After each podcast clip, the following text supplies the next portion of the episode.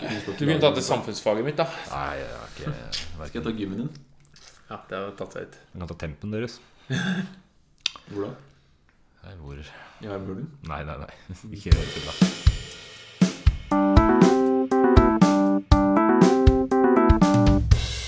Den gang da. Hello, hello, hello, hello, and welcome. Nei da.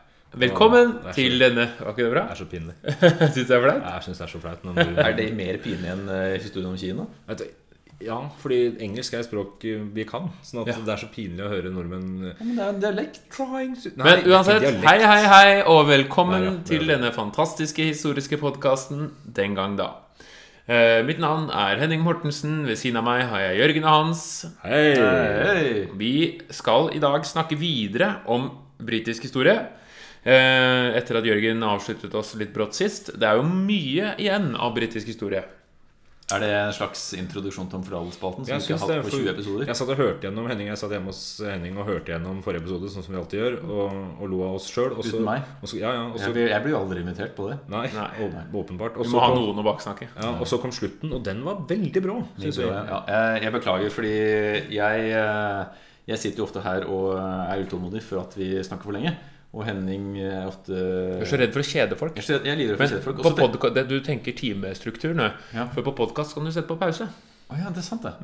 Så Folk da, da beklager jeg at jeg, opp tiden, de kan gjøre hva de vil. ja, de kan gjøre. Nei, jeg beklager i hvert fall fordi at jeg tenkte at Elisabeth var slutten. Men det var Cromwell som var slutten. Ja, men da får vi heller ta det i dag. det kan vi gjøre i dag, fordi vi Ja. har jo del to. Ja, nå er det del to. Ah! For å oppsummere litt eh, fra forrige episode. Vi begynte jo med prekeltiske og keltiske eh, folkegrupper. Vi Stonehenge. Og så selvfølgelig romernes inntog da til Storbritannia. De ender sin eh, plass der på 400-tallet. Du har anglesakserne som kommer inn. Vikingene som kommer inn og på et tidspunkt styrer stort sett hele Storbritannia og dannelag og alt sånn. Og så har du middelalderen. eh, og Wilhelm Erobreren. Wilhelm Erobreren, ja, over i middelalderen, og disse kongene der.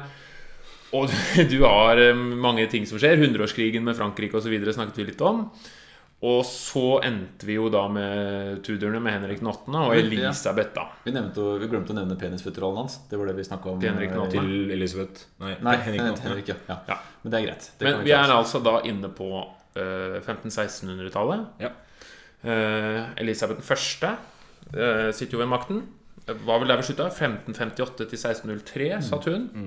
The Virgin Queen. The Virgin Queen. På et eller annet, antageligvis i hvert fall. Hun gifta seg i hvert fall aldri. Nei, hun hadde, hadde nok sine elskere, men gifta seg aldri offentlig, i hvert fall. Nei. Og fikk da heller ingen arving. Eh, og, Hadde rødt hår. Ja, Ja. Hvit i huden. sånn, hun var engelsk. Det er jo greit å si. Ja. Og det som er igjen jeg bare, Akkurat som forrige gang, beklager på førhånd for ord av type England, engelsk, britisk, Storbritannia og sånn. Det er, vi, vi surrer rundt med disse begrepene og har ikke ærlig talt giddet og anstrengt oss så veldig for å bruke riktig begrep til rett tid. Uh, dette blir enklere etter hvert altså når Storbritannia faktisk blir grunnlagt. Men når vi Ja, snakker om det her, så, da ja, da snakker vi om eh, liksom England og brittoner og briter og hele dritten. Uansett, Elisabeth hun dauer uten å ha noe arving. Eh, men da, i 1603, så blir James, eller Jakob, som man av en annen grunn kaller i Norge, James den fjerde av Skottland, valgt til konge etter Elisabeths død. Og da blir det James den første av England. Eh, her får du en sånn personalunion eller mindre mellom Skottland og England. Selv om de forblir separate politiske enheter. Politiske enheter. Mm. Men det har jo, vi har jo snakket, vi snakket om det her sist. Konflikten mellom katolikker og protestanter. eh, Fra Henrik den 8. og framover. Og dette her vokser fram videre.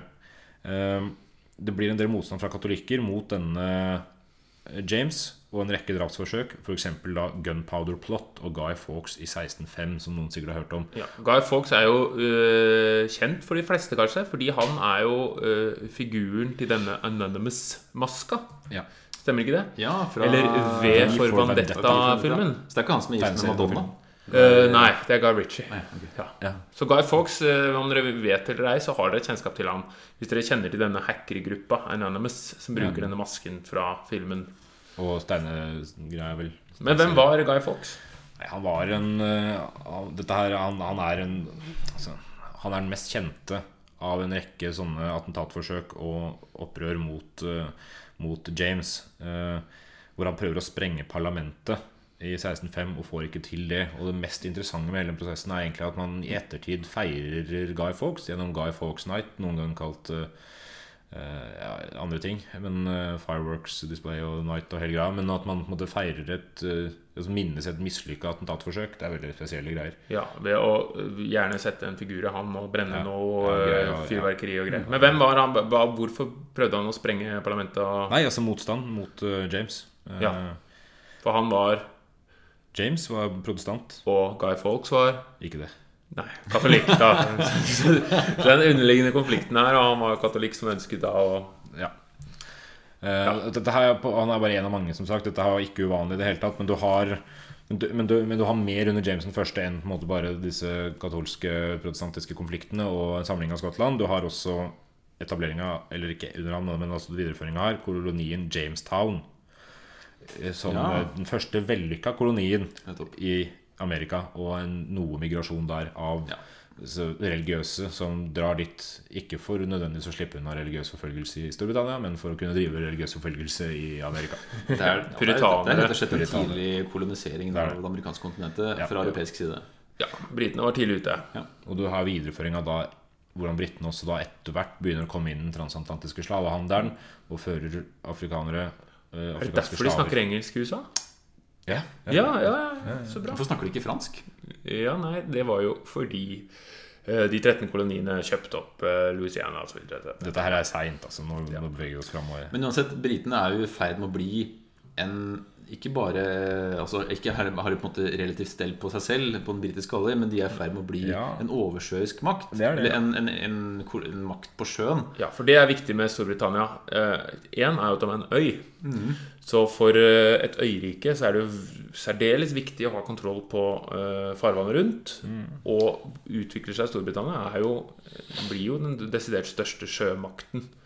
Og ja, Det er veldig viktig å ha gode båter og være flink til å kjøre båter og skyte fra båt. Og rett og slett uh, sikkert god på knuter og seil og vindretning og alt sånt, som er viktig når man driver med båt.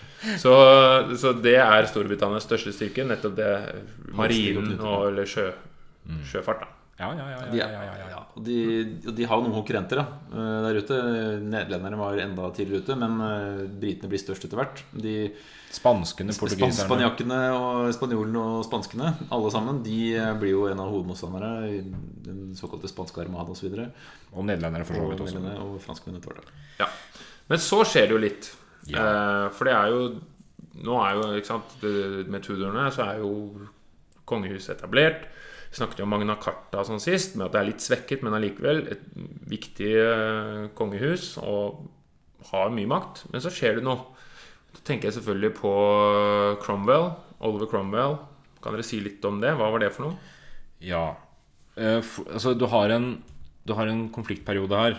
En borgerkrig etter hvert som vokser fram i 1642. For du har Charles den første, eller Carl den første, når dere snakker norsk, i, som, som har en del konflikter med parlamentet.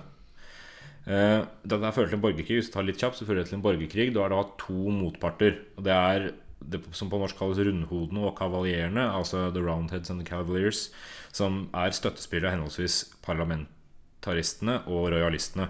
Ja, altså De som støtter Kongen, kongen, og og de som støtter Ikke kongen, parlamentet. parlamentet ja. parlamentet. Hvor du har Oliver Cromwell, eh, som grunnlegger Eller som har det, det han kaller for New Model Army, som slår royalistene og henretter kongen. Og gjør seg sjøl etter hvert til det som kalles Lord Protector. Og blir en form for republikansk leder da, i en republikk. Og er i essens Det blir jo en diktatorisk Han blir jo kalt også en diktat diktator. ja Ikke diktator, men diktator. Dikta, diktator. To, tonefall. Uh, han er protestant. Ja. eh, En slags puritaner. Mm -hmm. uh, og er jo ikke akkurat For noen er jo han en Kan jo ses på som en slags eh, frihetsforkjemper, som kjemper mot kongehuset og styrker lavere folkets ja, makt. det Men kan du si, men han også forfølger og hater jo katolisismen Ja, ja, ja. intenst, og, og dreper jo skotter og, og irrer Ja. over en lav sko. Så han er jo ikke nødvendigvis en som Han er ikke veldig populær, og Nei. fortsatt i samtidens historikere mener jo at han sto for eh, at det kan kalles folkemord. Ja. Og eh, det er jo Du får ikke verre stempel enn det. Nei, i grunnen ikke. Som diktator så er folkemord ikke noe å drive med. Eh, Ikke ikke, nei, man bør ikke gjøre det. Hvis man vil lære enda mer om Cromwell, så holder det å høre sangen til Monty Python, eh, som heter Oliver Cromwell, så vidt jeg husker. Det er en ganske fiffig vise om Cromwell der det oppsummerer hele livet hans. Det er der vi har lest alt. Ja, der, er, ja, alt fra, ja. Han var jo en som på en måte jobbet seg oppover, ja, ja det, og blei jo Lord Protector. Altså han blei øverste leder. Eh, han satt jo til sin død. Han satt til sin død i, 15, eh, unnskyld, i 1658. Når han dør, så overtar sønnen, sønnen Richard Cromwell en kort periode. Eh, men så blir altså da monarkiet restaurert igjen, som det sier. Restaurert. som man sier på engelsk. Altså gjenoppretta, gjenoppretta da i 1660 under Charles 2. Ja. Og fun fact her Dronninga til Charles 2., Katarina av Braganza fra Portugal, hun innfører for første gang teen til England og banker inn den som en ganske viktig del av den engelske overklassen. Den slo godt an. Den slo veldig godt an. Fordi alle som har lest Asterix, de vet jo at før dette så drakk de bare kokt vann. Ja, Ja, og angivelig så skal det de ha fått noe. Ja, men, men de fikk Ja, det var i 16 mm. Endelig noe å ha i det kokte vannet. Tror du man drikker mye te i England også har noe med klima? Litt kaldt og grått og Ja. regner mye. Det er Hvorfor ikke? koselig. Det er koselig. er Koselig. Hvorfor ikke kaffe? Jeg syns kaffe er mye bedre enn te. Jeg, jeg hater jo te. Du hater te? Det smaker faen ingenting. Ja, nei, jeg Det lukter mye bedre enn det smaker. Ja, men det jeg liker en kopp te. Altså. Men Kaffe smaker noe jeg foretrekker selv. kaffe. Ja, kaffe smaker noe i seg Jeg sjøl. Jeg, Jeg syns te, altså. smaker lite. Hvis- Når du blir vant til å drikke kamillete, da kan du drikke hva som helst. En kopp kaffe og en te. En te. Betyr en kopp kaffe til, da. Egentlig Ja, men uansett, det er nok om te.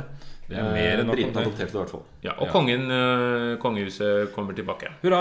Restaureres. Og det, og ja, det er bare fred. Nei da, det er jo ikke det. Fordi Fordi i det altså Etter Charles 2. så er det litt fram og tilbake, konger osv. Men i 1685 så blir altså James 2. konge. James da, blir James 2. Han har noen år tidligere konvertert til katolisismen. Hvis dere ikke har fulgt med det må dere for øvrig begynne med det Men hvis dere ikke har fulgt med, så har dere kanskje heller ikke fått vite det at det har vært en del stridigheter mellom katolikker og protestanter. Det har det. For eksempel på de britiske øyer. Ja, ikke sant? Og, og når da James 2. blir konge, og han har konvertert til, til katolisismen, så møtes, møter han en del motstand og veldig mye sånn frykt for at han kommer til å prøve å gjøre katolisismen til uh, stor igjen, for å si det sånn. Innføre den og tvinge den på andre folk. Uh, og gjennom en del eh, til og fra, hither and thither, så blir han altså Så blir ja, Dette er svigersønnen hans, som er William 3. Eller blir William 3., da, men svigersønnen hans William, som er prins av Orange, Oranien, Frankrike, og dattera til James, Maria Stuart, de blir oppfordra til å dra til England og invadere og hive James, eh, Charles Unnskyld, hive James av tronen. Og det gjøres. Eh, William blir da kong William 3. etter å ha kasta eh, James 2. av tronen. I Skottland så har for øvrig James en del støtte, bl.a. blant annet i Glencoe, der du har en massakre av eh, disse Det er MacDonald-klanen som støtter den, og 38 klansmedlemmer blir drept i denne som kalles Glencoe-massakren fordi de støtta fordi de støtta James. Det er bare så det er sagt. Altså, det var ikke lurt, lurt sånn sett. å støtte? Nei. Nei, det er dumt å støtte Dumt å støtte. han som ikke lenger er konge. Det er dumt. Ja. Du bør ikke støtte den tapende part. Nei, det er veldig Så, dumt. ja, så moralen er bytt side før det er for seint. Apropos Skottland, så blir jo de en del av England Eller foreningen mellom England og Skottland i 1707 etter at Skottland har prøvd seg på noen koloniale eh, etableringer og sånn, nederlag der, og så er det en del økonomiske kriser, så de blir en del av England, som da går inn i foreninga United Kingdom of Great Britain i Ja. 1707. Og da kan vi endelig begynne å bruke ordet Storbritannia på, på riktig. Det, Det er en stund, det er en stund til vi kan begynne å forstå dette med Irland helt Ja, for det er jo litt komplisert. Du har England, du har Wales, du har Skottland, du har ja, Nord-Irland og Irland, og så har du Storbritannia. Og jeg skjønner at det er fort gjort det er, ikke sant? De det stiller jo med United Kingdom Ja, og hvilke flagg skal man bruke, Når, Ja. og Ja, det Men det jeg ikke skjønner, de burde jo Det har jo vært fotball-VM. Hvorfor slår de ikke United Kingdom som ett? Da hadde jo mye mer spillere. de har faktisk gjort det når det er OL. Så har de konkurrert UK. under UK-flagg. Ja. Men også, i, men også i områdene der så har- det jo vært litt sånn blanda begrep. Altså Man har ofte brukt ordet engelsk og England om noe som omfatter mye mer enn bare England. Altså det som også omfatter Wales. og Men jeg vil anbefale alle som drar på tur til Skottland, å ikke si 'det er fint her i England'. Det er ikke bra. Nei, det bør man ikke gjøre. Ja. Det er fint her i den engelske provinsen. England er stort, altså, kan man si da. Ja, For det er jo skotsk nasjonalisme også i dag å snakke om Ja, selvstendiggjøring. ja, det var jo altså, folkeavstemning, og Independent Scotland, eller IS, eh, som de forkortes, eh, var jo, eh, var jo viktig eh, Ja. i den, eh, den eh, nå er vi i Storbritannia, vi er på 1700-tallet. Vi har kommet over 1700-tallet. Ja, Ja, Er det noe viktig da som er verdt å ta med før vi hopper til den industrielle revolusjonen? Ja, det er jo det. For det er jo der, da. På 1700-tallet. Ja, ja, kan jo Ja, for så vidt. Vi kan godt begynne med den, men, men vi kan vente litt, kanskje. Fordi den, eh, den strekker seg så himla langt. kan begynne i 1750, da, omtrent. Kan du, kan du starte med den? Ok ja, da Ja, gjør vi det. Skal vi bare ta en kjapp øh, fordi det, hvis, Fordi- du, hvis du vil høre mer, så finnes det en episode om dette nå. Men den, øh, den generelle overskriften i industriell revolusjon handler jo om at man, at man mekaniserer i stor skala og gjør på en måte menneskelige slitearbeid Man bytter ut menneskene med maskiner fordi man får et par viktige oppfinnelser. Man utvikler dampkraften. øh, Hjulet. hju- hju- Hjulet Flammer. Utvikler hjulet. Det er kjemperundt. Det er mye rundere enn det var. Lighteren. Lighteren uh, Zippo-lighteren. Uh, uh. Elektriske. Men det som er viktig med Stor hvorfor det er spesielt viktig med Storbritannia, er fordi altså Storbritannia er jo, eller England om du vil, eller England og Skottland og Wales og, er jo en viktig, viktig makt. Og de er mektige. De har en, en mektig flåte. De er politisk aktive i resten av Europa, som sagt. Og de, De har kolonier, kolonier, og er en makt å regnes med. Men ja. med den industrielle revolusjon så framskyndes jo England eh, over resten av verden. De får et fortrinn og blir verdens desidert mektigste eh, land og imperium. Ja. Så det er jo en sånn hendelse i historien som Og det, ja, og det, Hvis den ikke hadde startet i Storbritannia, så hadde jo ikke de fått den posisjonen de har i dag i verdensbildet. Ja, for du ser jo hvordan det går når tyskerne og amerikanerne endelig på en måte tar igjen. Da blir det jo Da, da mister Altså, de, de drar jo igjen veldig fort når de først begynner. Ja. Så altså, Storbritannia var jo avhengig av å ha denne, dette forspranget. Vi tenker jo da, ikke sant I dag på Amerika har jo lenge vært altså Du hadde Sovjet og Amerika som to supermakter, og så har du jo i dag Amer- Union, og så snakker man om Kina og Russland på vei opp osv. Men fra liksom 17, midten av 1700-tallet ut på 1800-tallet, så var jo på 1800-tallet var jo Storbritannia desidert den mektigste så, eh, landet, eller England, i verden. og så er det selvfølgelig delvis spørsmålet hvorfor Storbritannia. Det, du har allerede vært inne på Henning, men, men de har også en del forutsetninger som gjør at, det, at den industrielle revolusjonen skjer i Storbritannia. og ikke andre steder. Det er tilgang på kull, f.eks.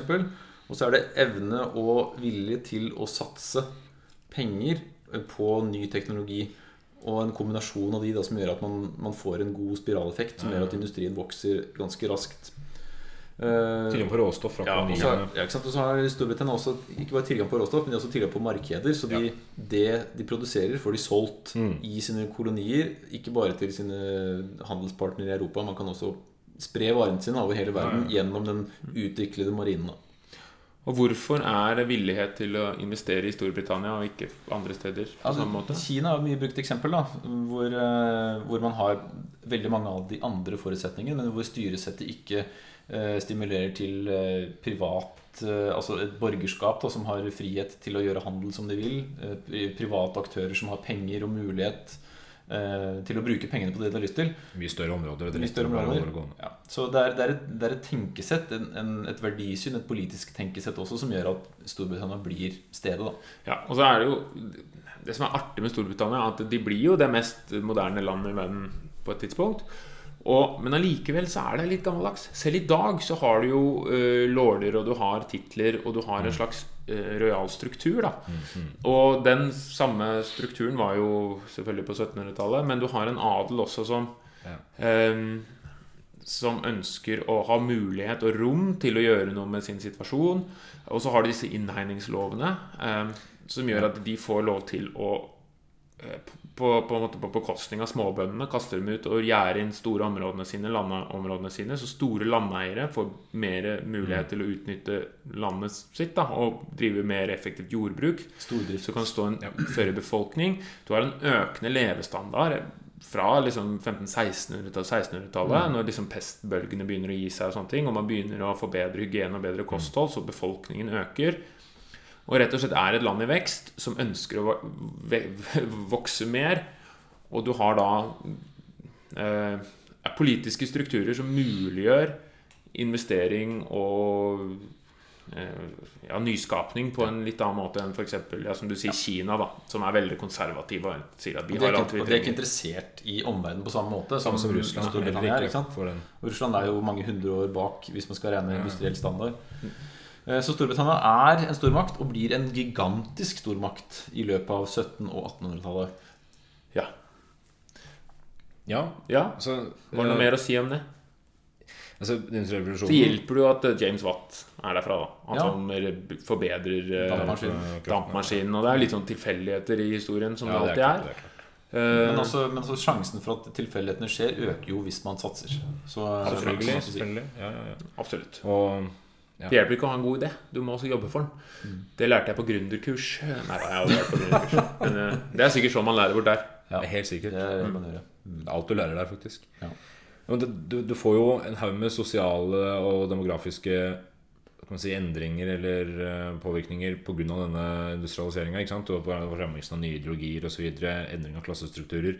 Men også spesialiserte områder, som er som du ser også tegn til fremdeles. Sant? At noen byer og områder i dagens Storbritannia bærer preg av den industrielle historien de har hatt. Altså Newcastles eh, skipsverft og Manchesters bomullsproduksjon. Liverpool drev med handel, Middlesbrough eh, jern og stål, Skottland drev med lin. Sånn at du har liksom disse eh, altså Du kan fremdeles se liksom sosiale og kulturelle forskjeller basert på industrialiseringa. Altså. Og du ser jo ikke minst fremveksten av byene. Fordi før den industrielle revolusjon, og også Storbritannia, så var jo alle stort sett bønder. Ja. Eh, Men det skjer en forandring, og disse industribyene vokser fram. Og færre folk før færre mennesker. Og rett og slett eh, folk kan drive med noe annet og jobber i fabrikker og Ja, og og det at man finner opp eh, dampmaskinen, gjør at også man ikke er like avhengig av vann som kraftkilde. Så man kan anlegge byer der det ikke er vann.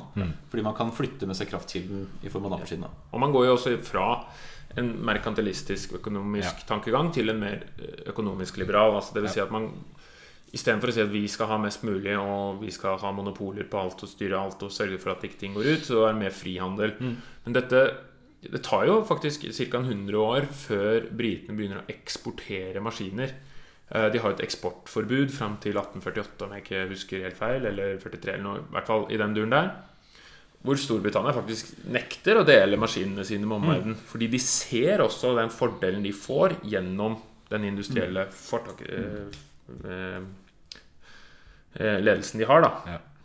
så, så der er det virkelig det, det var lurt av Det var veldig lurt eh, på deres vegne, fall. Og det, var viktig, det er viktig for dem. Du så det i den eh, OL-åpningen i hva er det, 2012 i London. Ja. Hvor den åpningsseremonien handler mye om nettopp den industrielle revolusjonen. For det er det som virkelig kaster Storbritannia eh, opp på toppen. Ja, og så har du Det er liksom det som du kan si det er det som er stuereint å sitte og feire også. Fordi du, den andre delen av engelsk eller britisk storhet er jo imperialismen eller koloniområdene. Ja. Og den er jo ikke så enkel å sitte og bejuble. Vi kan komme litt inn på den etter hvert. Ja, vi kan kanskje begynne Ja, kan jo- nå. Det er kanskje verdt å nevne at de taper jo de amerikanske koloniene sine. Ja, fordi altså, du har jo Fra tidlig 1700-tall så har du eh, dronning Anne, eh, som er interessant å nevne av litt forskjellige grunner. Hun over, Datter av James 2. overtar når William 3. dør i 1702. Det er ikke så farlig hvordan alt det her skjer, men, men hun, eh, hun er den siste av Stuartene fordi hun er arveløs. Noe som er imponerende med at hun var gjennom 17 graviditeter. eh, Og klarte ikke å få noen arvinger som overlevde. Dette er veldig veldig triste greier. Ekstremt mange spontanaborter, dødfødsler, en del barn som døde tidlig, og noen som døde litt seinere. Men dette her gjør at når hun dør, så er det George den første, som er oldebarn av James den første. Han er av huset Hanoffer og blir valgt til konge. Så da får du da en, en, en, eh, en tysk linje inn i den britiske kongerekka. Under han så får du syvårskrigen, som er en eh, krig i koloniene ikke sant? med Frankrike osv. The Indian Wars. Uh, French Indian Wars. Skatting i koloniene, og etter hvert den amerikanske frigjøringa. Uh, som vi har snakka om før i en annen episode. Så det går Den amerikanske revolusjonen. Ja. Men for å gjøre en kort historie Lang. lang, så, så er amerikanerne gjør opprør mot britene, og britene sender over soldater, men klarer ikke å slå ned dette her. Og britene, Frankrike også da involvert. Mye gammelt fiendskap. Frankrike, eh, Storbritannia eller England. Da. De har hatt mye mye mot hverandre. Men eh, likevel, så da mister jo Da blir jo amerikanerne, eller USA, da eh, Disse United States of America Nettopp, og etablert. Og britene Mister kontrollen der. Ja. Men- de, men, ja, Ja. De, men de opprettholder kontrollen sin i India og eskalerer den etter hvert. Ja. Og driver med opiumsalget sitt til Kina osv. Så videre, ikke sant? Sånn at de, de, de Ja, de går jo til krig for å få lov til å selge opium. Jo, Ja, ja, ja. eh, Men nå er vi snart over 1800-tallet, er vi ikke det? Jo. I, eh, og da har vi jo den perioden som er blitt kalt Victoria-tiden. ja. Eh, og det er jo av dronning Victorias navn som er en av de som har sittet lengst på tronen eh, for britene. Og under henne så blir jo Så konsoliderer hun på en måte den posisjonen som britene har fått, og utvikler den. Ikke minst i India, som du nevnte, Hans, eh, men også etter hvert i eh, kolonikappløpet i Afrika på slutten av 1800-tallet. Eh, Jeg vet ikke hvor, hvor raskt vi skal hoppe dit. Nei, vi trenger ikke å gå dit helt ennå. For vi kan, jo, vi kan jo nevne et par andre ting også. F.eks. at altså, dette med India Det er litt interessant, det er fordi det blir et opprør i India i 1857. Og det er, og det er pga. det opprøret som blir slått ned av britene, at britene strammer grepet der. Og, og må gå vekk fra det der med å ha lokale herskere som de bare har noenlunde kontroll over, og til å gå fullstendig kontroll sjøl. Og dronning Victoria blir også da keiserinne av, av India. Eh, og da blir jo India fullstendig underlagt.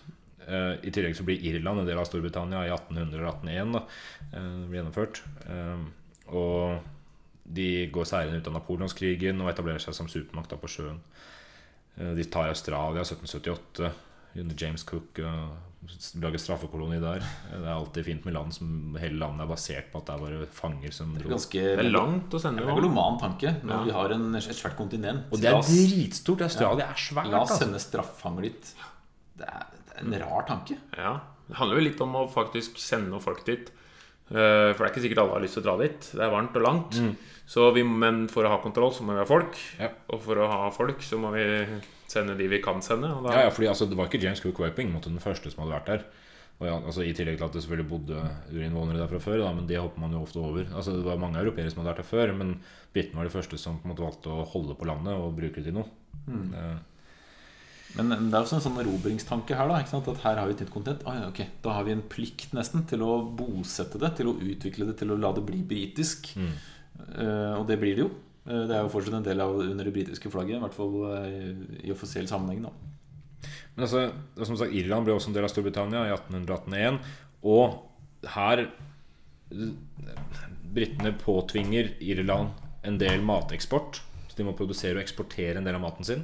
Hva fører dette til? Jo, det fører til eh, hungersnød i Irland. Sjukdom, utvandring. 1845 til 1849. Dette, dette sammenfaller med The Great Potato Famine, som er eh, en av de irske store katastrofene. Så, altså potet, altså de er veldig avhengig av potet som mat, og så slår høsten feil flere år på rad. Og så sulter irene. Og irene Poteten kommer jo for øvrig fra Amerika. Ja, det er interessant nok. Og så drar irene tilbake til Amerika igjen. Ja. Ja. Dritt lei av potet. Men irene er jo Det er jo et Blir politimenn alle sammen. Det er jo et, eh, et, et, en kime til konflikt fortsatt mellom irer og engelskmenn. Da, fordi at irene mener jo at de ble sviktet av eh, engelskmenn i den måte, perioden hvor de kanskje kunne fått uh, mer hjelp. da Ja og, ja, og der var vel engelskmennene på mer på den å utsuge områdene sine heller enn å hjelpe. Ja. Eh, Men, de, men etter, etter det så har i hvert fall Irland vært en del av England eller Storbritannia fram til Vi kommer tilbake til det etter hvert, kanskje, men fram til eh, 1920- og 30-tallet. Eh, Men du nevnte Victoria-tida. Under dronning Victoria det er selvfølgelig en kulturell blomstring og delvis, og du har en del eh, kreative sosiale etiketter og sånn under under Victoria-tida. Men, men mest spennende her er jo det du nevner mot slutten, syns jeg. Altså denne med imperialismen. Eh, der man ser at slavehandel f.eks. egentlig har blitt borte, men allikevel så bestemmer man seg for å banke gjennom hele Afrika i samarbeid med tyskere og franskmenn og en del andre. Og, Ja, og også- underlegge seg disse områdene. Ja, også her er det en slags sånn pliktfølelse. Da, det som jeg kjenner som The White Man's Burden i eh, Rudyard Kiplings dikt. At eh, det handler om at britene ser på seg selv som den overlegne, som den beste. Ok, Da er det vår plikt til å underlegge oss så mye av verden som mulig, også Afrika. Så de vi møter der, de må vi opplyse eller belære, kall det hva du vil. Eller drepe. Eller drepe. Eh, fordi vi er overlegne. De må lære seg på en måte det siviliserte liv som vi kjenner. Og da har du koloniseringen i Afrika, som jo er et av de groveste overtrampene i verdenshistorien. Uten å, uten å male det for tjukt. Det er eh, Ja. Storbritannia bruker makten sin for det den er verdt, for å etablere seg som kolonimakt i eh, store deler av eh, Nord- til Sør-Afrika. da Og det blir jo en supermakt. Det blir en supermakt. Er det og blir. eller er. Det er var. Var og ble. Ja, men de det, det, det er jo plutselig oppstår en del konflikter på det europeiske kontinentet også, da, som Ja. selvfølgelig begynner å rokke ved Storbritannia som supermakt også etter hvert. Men det er jo Jeg vet ikke om dere er på samme linje som her, men f.eks. første verdenskrig. For eksempel, ja. Den har jeg hørt om. Der er jo, der er jo Storbritannia med. Fordi, ikke sant, Her må jeg huske Storbritannia som supermakt fra industrialiseringen slår seg opp. Men så kommer jo Tyskland, som samler seg i 1871. De blir en uh, veldig mektig makt. Frankrike fortsatt ønsker jo å være mektig. Russland også da et gigantisk land som begynner å se at vi må gjøre noe. Og, uh, og alle disse uh, baltiske Nei, Balkan, mener jeg. På Balkan og alle disse konfliktene. Vi skal ikke gå altfor mye inn på det. Men uansett, for å gjøre en lang historie kort, nå sa jeg det riktig, så er det jo mye av første verdenskrig som handler nettopp om at Tyskland ønsker å nærmest være like mektige som Storbritannia. Da. De har rett i det, på en måte. Ja, at du kalte, jo- husker du kalte Tyskland for nye gutten i klassen? At, eh, at her er den som skal opp og fram og på en måte vises at jeg skal være like bra som deg. Ja. Og for Storbritannia, som nå har vært i 100 års tid den mektigste nasjonen, i hvert fall på havet fortsatt, ser jo, frykter jo Tyskland og frykter jo et sterkt Tyskland. Eh, fordi de ser at det vil utfordre deres posisjon, nettopp som det mektigste imperiet i verden. Nødvendigheten av å ta Tyskland uansett hvorfor. Det var liksom ja. Så, så det, det er jo det som er Ja. mye av bakteppet for første verdenskrig. Ja. Eh, Jeg hater å henvise til tidligere episoder, men uansett, jeg skal ikke gå altfor mye i detalj der. Men det ender jo da med at Storbritannia vinner. Ja, ikke bare Storbritannia, selvfølgelig. de er på vinnersida, da. Men de er på vinnersiden. Og Tyskland det går det dårlig med. Eh, De taper, men klarer å bygge seg opp igjen. Eh, Litt uheldig, kanskje, Ja, med tanke på nazismen og fremveksten der. Og, Storbritannia, som sikkert mange kjenner, er jo veldig aktive da mot Tyskland under andre verdenskrig. Og der er jo det, er, det er jo ingen som har klart å erobre Storbritannia siden 1066. Nei, man har prøvd, ikke sant? Noen har prøvd den spanske armada osv., men det gikk faen ikke. Og tyskerne prøvde. Tyskerne prøvde. Battle, klarer. Battle of Britain fra juli Ja, til oktober Så kan jo. Det snart er- feire tusenårsjubileum, faktisk, som egen uh, britisk øy. Ja, snart. Snart. I, I det store bildet så er det snart. Ja. Men det er jo viktig fordi The Battle of Britain under, um, under andre verdenskrig De lærer jo Storbritannia uh, de, de er jo de som erklærer krig mot Tyskland under andre verdenskrig. Fordi de eh, ser hvordan Tyskland går fram og ønsker å stoppe Tysk Tyskland på eh, på en måte før det er for seint, men det var jo altfor seint. selvfølgelig. De burde jo kanskje prøvd å gjøre det før. Men Tyskland da forsøker jo å, å, å ta Storbritannia. Og de eh, bruker fly. Bomber noe så sjukt. Og London blir bomba Blitzen, for eksempel. Blitzkrigen fra 18, nei, 19, herregud, september 1940 til mai 1941. Ja. Og, de, og det er jo selvfølgelig både for å svekke moralen til britene, og så også for å forberede en invasjon. Da. mm. Men de klarer det ikke. Du tar jo byggeområder. altså Det er 200 bombefly i snitt hver natt. Ja. For det er jo som, eh, som land Så kan jo vi se med Eller som landområde eller land generelt Så er det veldig ålreit å være en øy. Ja. Fordi du har et naturlig forsvar. Og det har jo eh, Britene britene. har også en veldig oppegående flyvåpen som Royal Air Force, som jo er mye av grunnen til at det ikke går. Og her klarer man jo å eh, mane opp mye nasjonalisme og felles britisk eh, følelse, og man vinner jo andre verdenskrig sånn i korte trekk. på vinnersida der også. Men så går det litt mot slutten, Ja. fordi da også er jo Storbritannia et av de mektigste landene i verden. Men du får jo en ja, ganske kjapp avkolonisering, da. Ja, og, og avkolonisering det er jo i bunn og grunn det at eh, de statene eller de områdene som har vært kolonier, de får skaffer seg, kjemper seg til, velg hva du vil, sin egen selvstendighet. Eh, India er jo tidlig ute i 1948.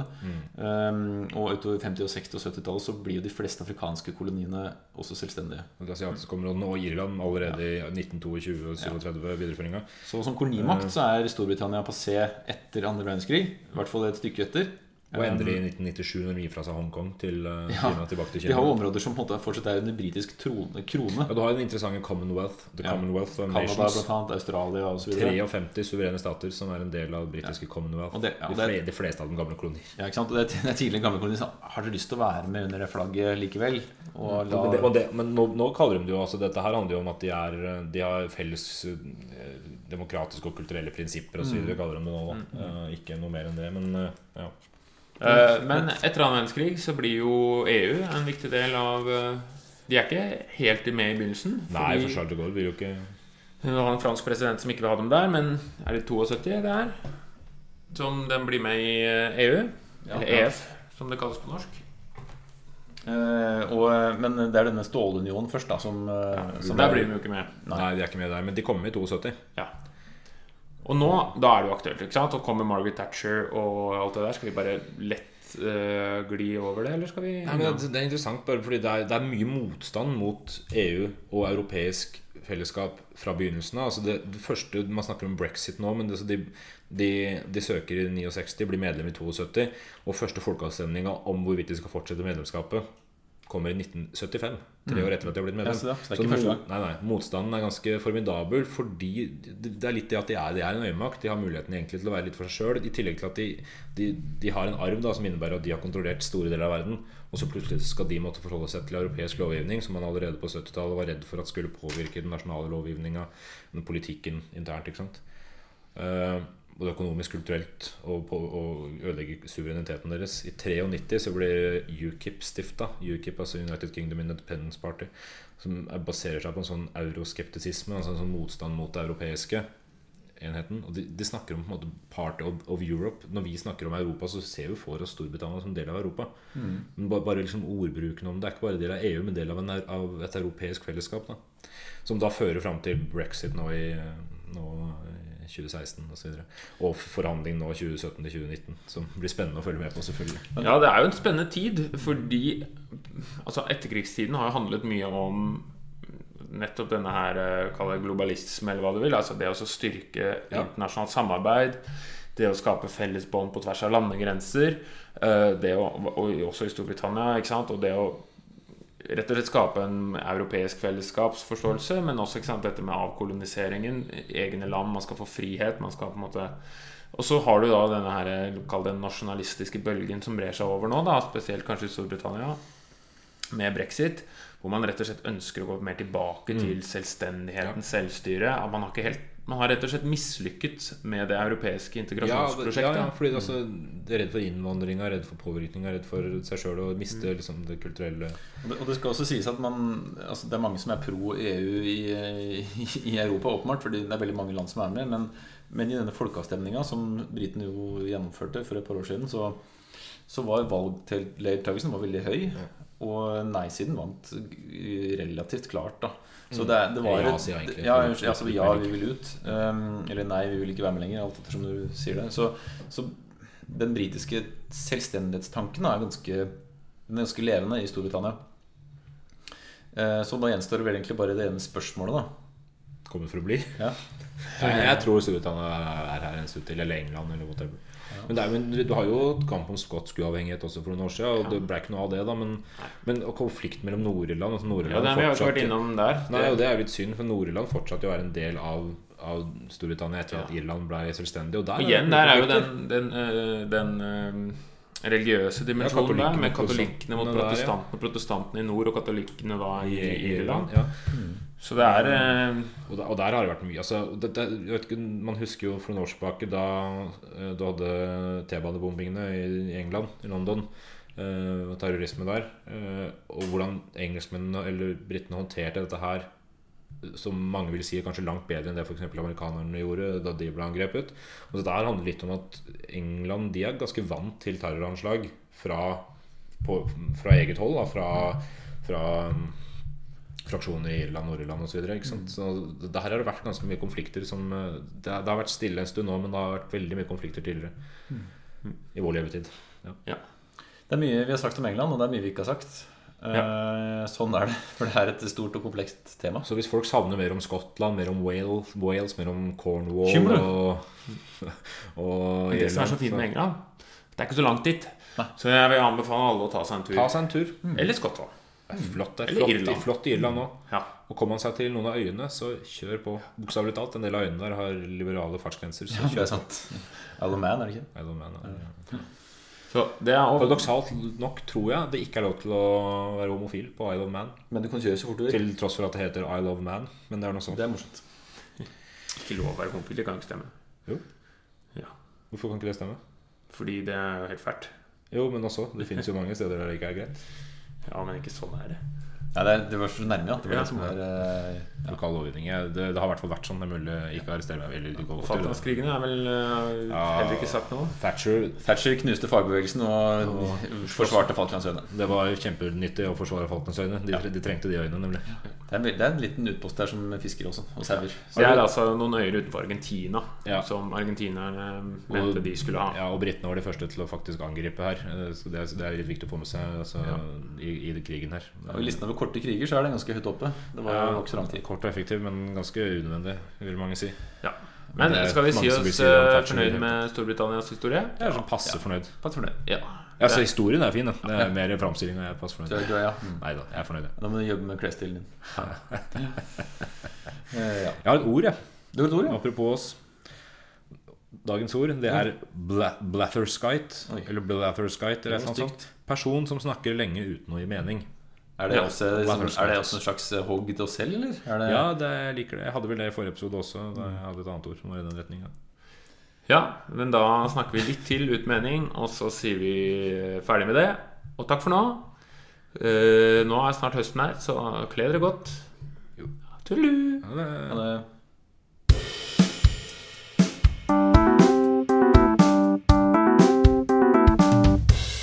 Den gang da.